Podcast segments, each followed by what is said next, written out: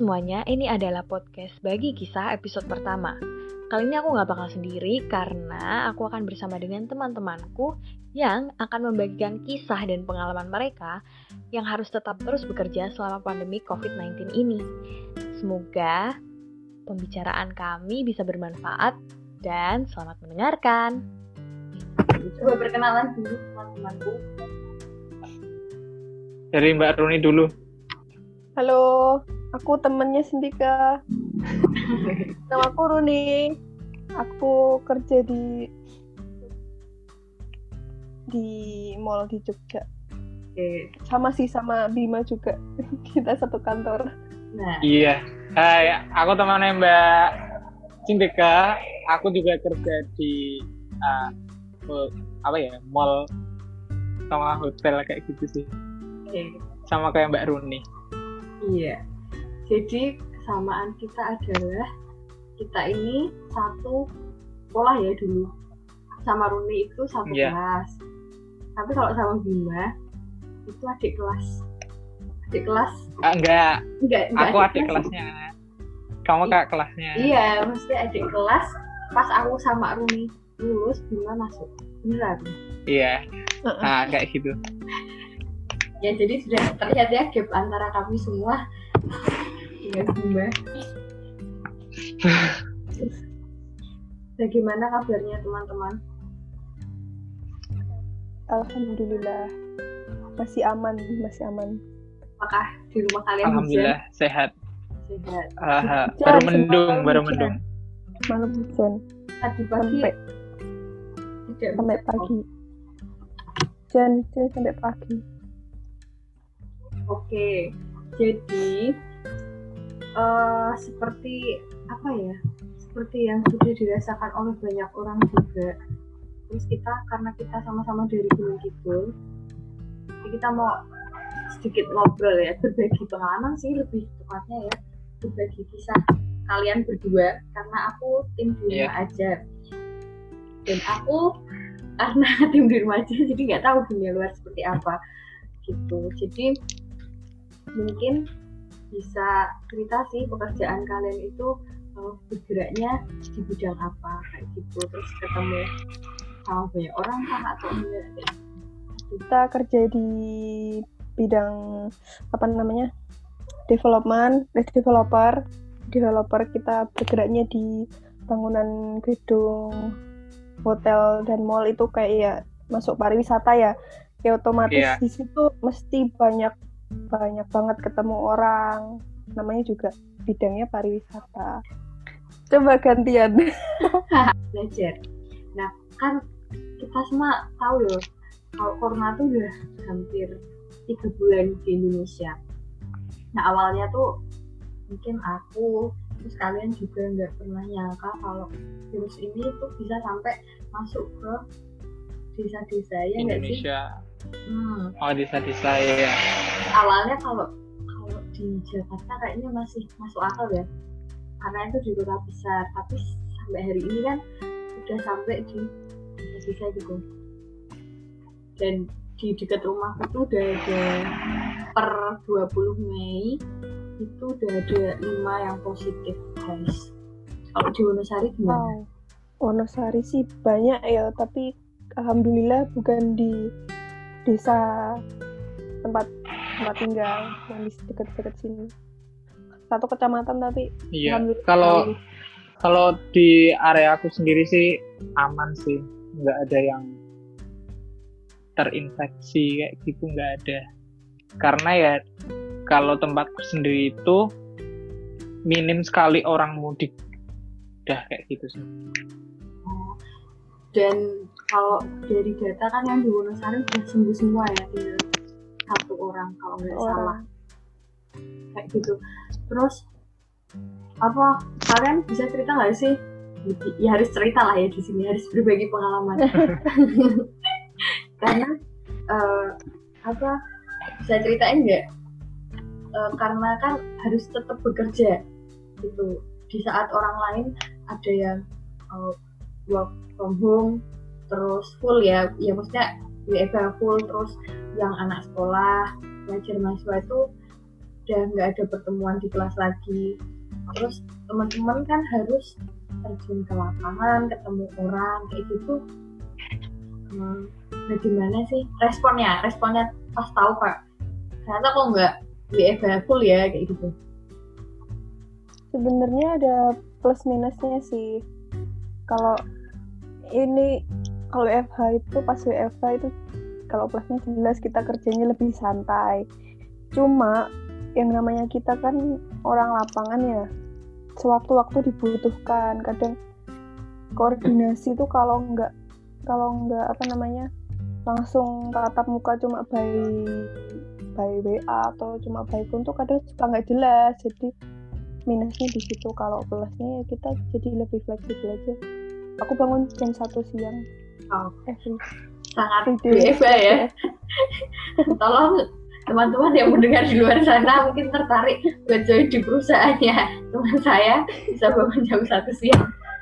Eh, tapi itu merubah, merubah pola tidur sih nggak baik nggak baik sebenarnya. Oke. kalau Bima gimana? Ya sama kayak Mbak Runi toh. Ada plus minusnya sendiri. Cuman karena aku terjun ke lapangan langsung terus uh, sekarang udah temenku di lapangan udah berkurang dua orang kan otomatis uh, aku yang harus handle kan.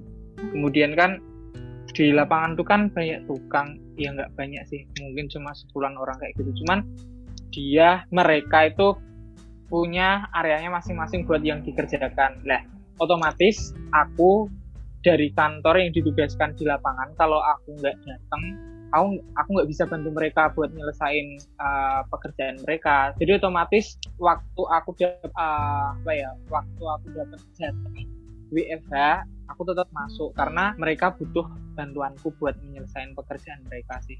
Jadi masih masih apa ya tanggung jawab gitu loh. Karena kalau aku cuma di rumah aku nggak bisa bantuin bantuin mereka. Karena kerjaan mereka itu berhubungan dengan kamar-kamar proyek hotel terus area hotel gitu yang bawa kuncinya sih gitu. jadi kalau Bima harus tetap masuk tapi BTW ini apa jenenge?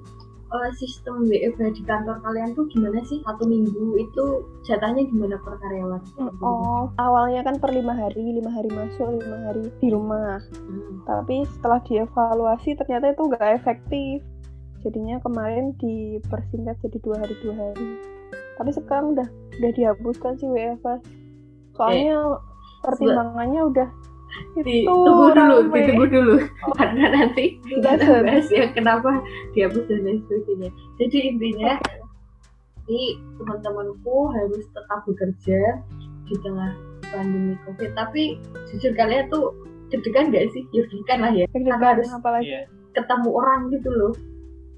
Apalagi aku sering banget ketemu sama kayak aku kan ngurusin tenant dan tenant tuh kadang dari Jakarta dari gitu takut sih. Tapi ya udah. Tapi ya udah kalau Bima sendiri kan tanggung jawab ke ini apa ke tukang ya sebutnya kita sebutnya gitu. Eh, bisa memastikan nggak sih bahwa tukang-tukangnya itu eh, dia nggak terpapar atau something kayak gitu apa kepiye lah kamu biasanya menaruh kepercayaan ke tukangmu itu kayak gimana?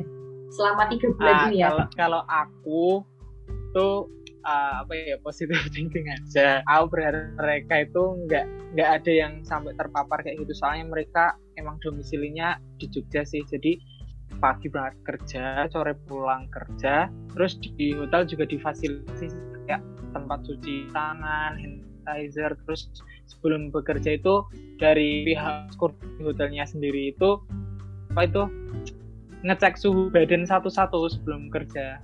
Ya semoga aman sih semoga sampai sejauh ini semoga Eh, sih aman. Aman ya. Jadi karena berarti total kalian di WFH itu berapa bulan sampai masuk libur lebaran ini? Sekitar dua bulanan. Dua bulan dua ya? bulanan.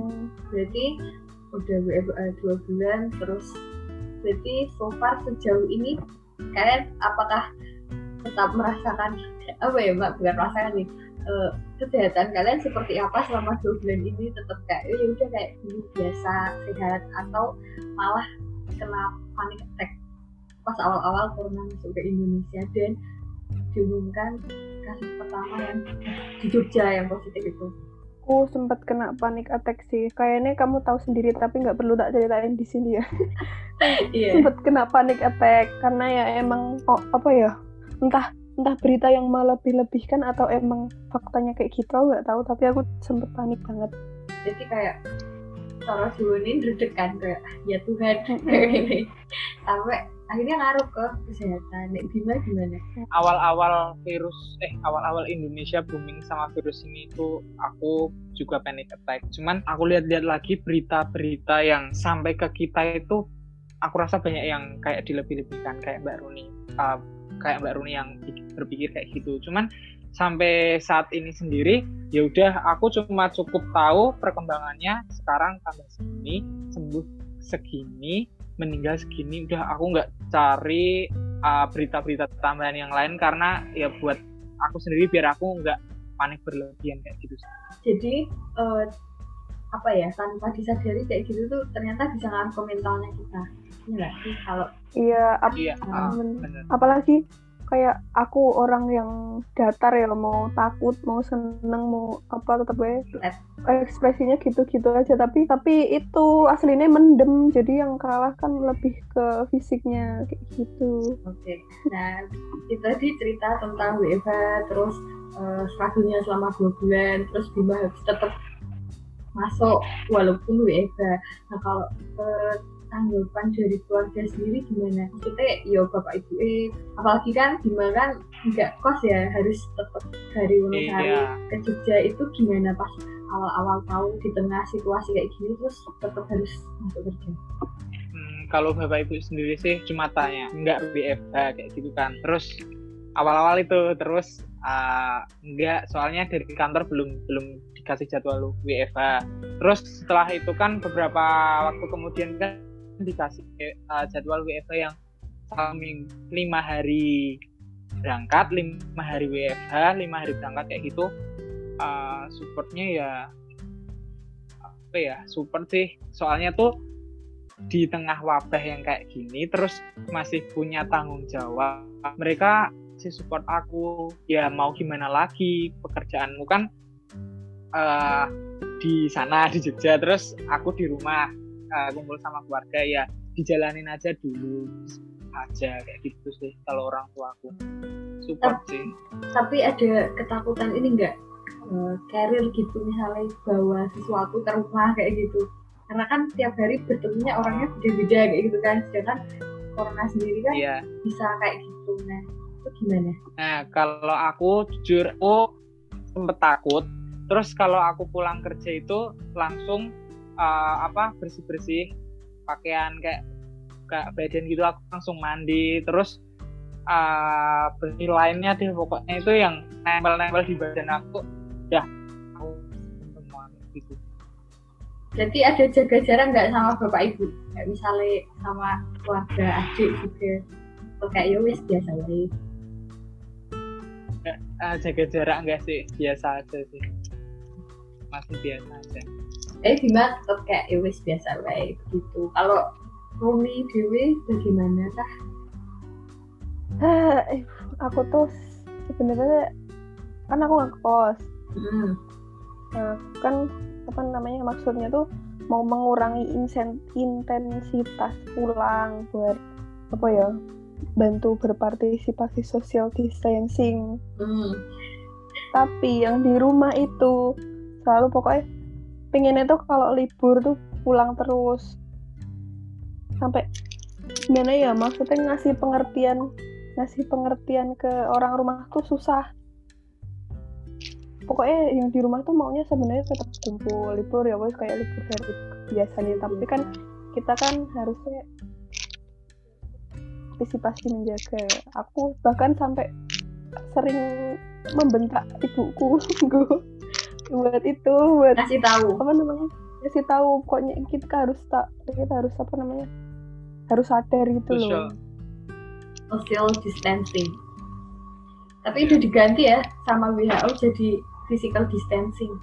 Harus minimal berapa? Satu dua meter. Gitulah nggak boleh dekat-dekat kayak gitu.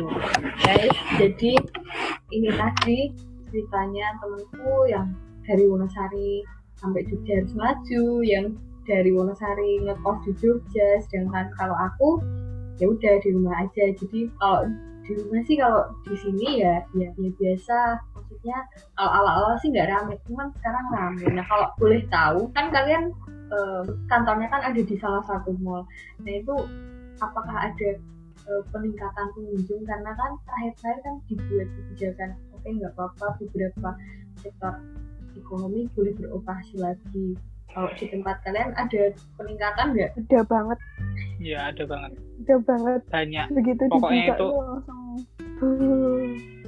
Uh, orang keluar masuk parkiran kayak gitu terus langsung masuk ke mall. Terus kemarin pas aku uh, ngecek kondisi lapangan pekerjaan kan terus lewat salah satu departemen store kayak gitu terus banyak banget orang yang milih-milih pakaian di situ banyak banget. Iya mau lebaran ya? Ada diskon loh iya. Ada diskon. Eh bener banget. Diskonnya gila-gilain sih emang. karena ya Tapi tadi tapi kalau kalian ikut berkerumun kah atau malah menjauh atau seperti apa? Aku takut. Banget sih. aku aku menjauh. Lebih baik Menjauh. menjauh. Menjauh nah itu kan di lingkungan eh, sekitar kerja kalian nek di Jogja secara umum apakah di jalan raya sudah tidak seperti awal-awal corona?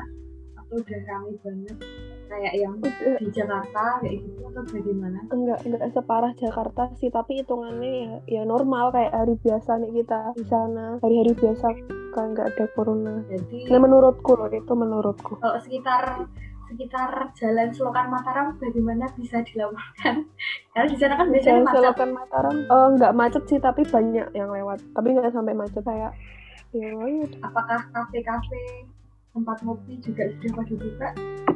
Kafe banyak yang buka. Kebetulan aku kemarin sempet ke salah satu karena eh, sama si Agung sama salah satu temanku juga ada ngobrolin sesuatu di situ karena cowok-cowok nggak mungkin dibawa ke kos jadi kita ketemu di luar. Tapi ramai banget nggak? Eh, kos kafenya nggak juga sih nggak. Biasanya dia tutup jam 2 itu kemarin cuma tutup jam 10 tetap menggunakan masker kan? Tetep lah mantap. Ya kayak gitu ya. Jadi ini ceritanya selama hampir dua bulan ini terus masuk ke eh, puasanya juga. Puasa tahun ini beda nggak sih? Nah, aku merasa sangat ya beda lah. Biasanya di, beda cuy. biasanya di beda masjid banget. itu ada apa anak-anak TPA nek di lingkungan rumahku sekarang udah nggak ada. Nek kalian sendiri yang menjalani puasa perbedaannya kayak gimana? Biasanya ada pasar Ramadan kayak di pinggir jalan banyak makanan sekarang. Kayak ya wes Indomaret. Paling kalau tar- kayak terawihnya juga sih nggak terawih. Iya, nggak terawih di masjid maksudnya. Terawihnya harus di rumah Iya. sendiri.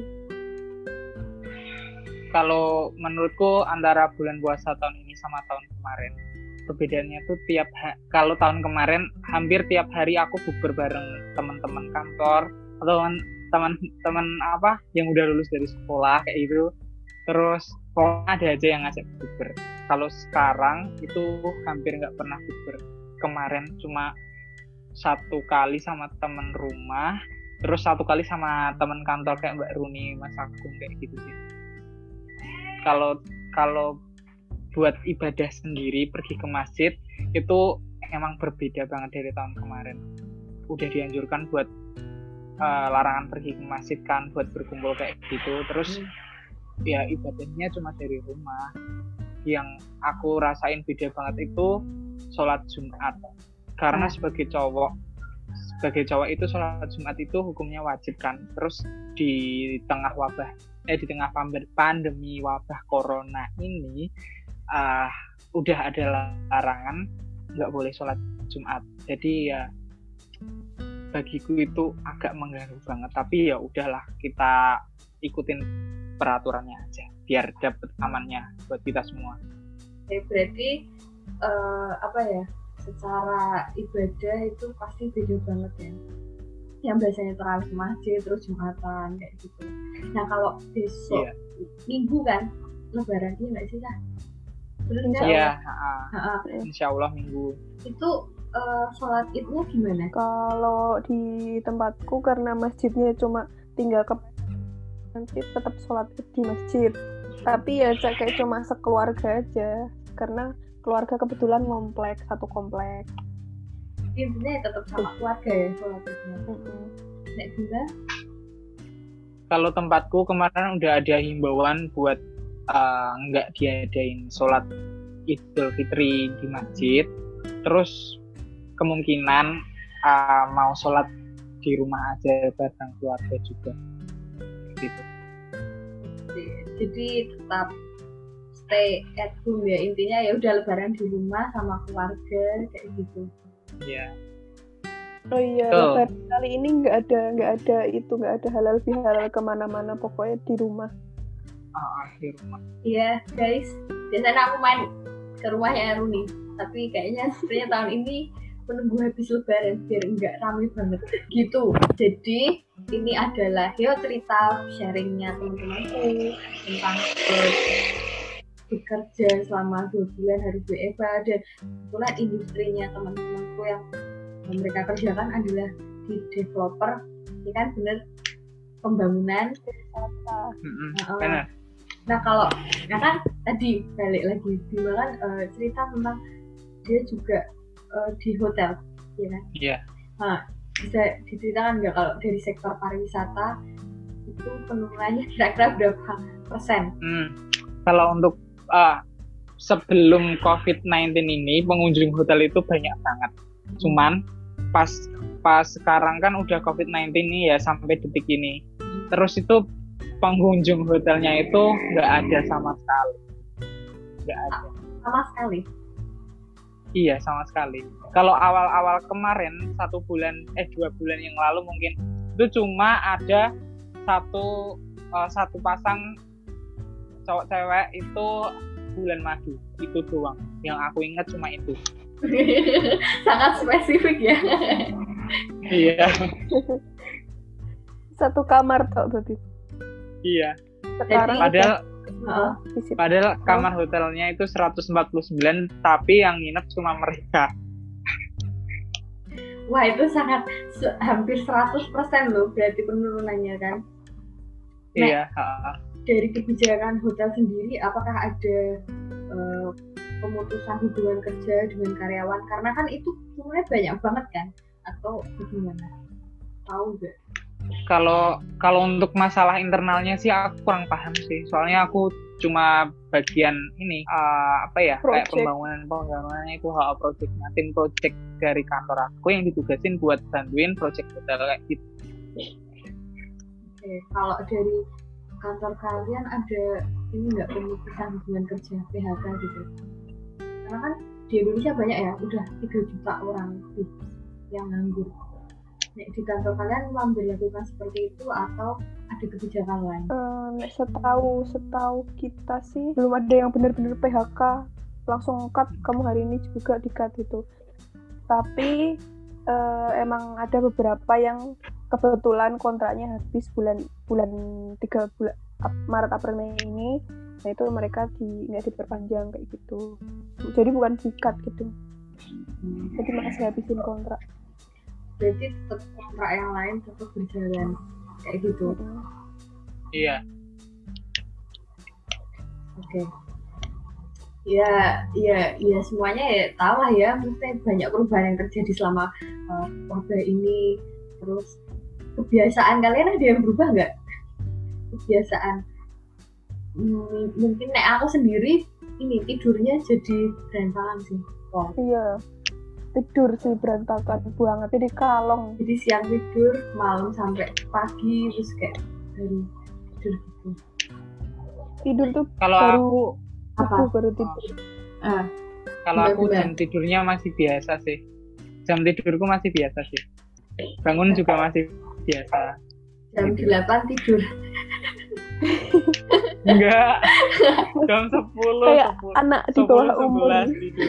jadi em, ya itu tadi lah ngomongin tentang pekerjaan terus sedikit menyinggung juga sektor pariwisata kayak gitu terus kebetulan juga biasanya kita sering ketemu kan ya kan aku sama Rumi karena satu kosan juga Iya.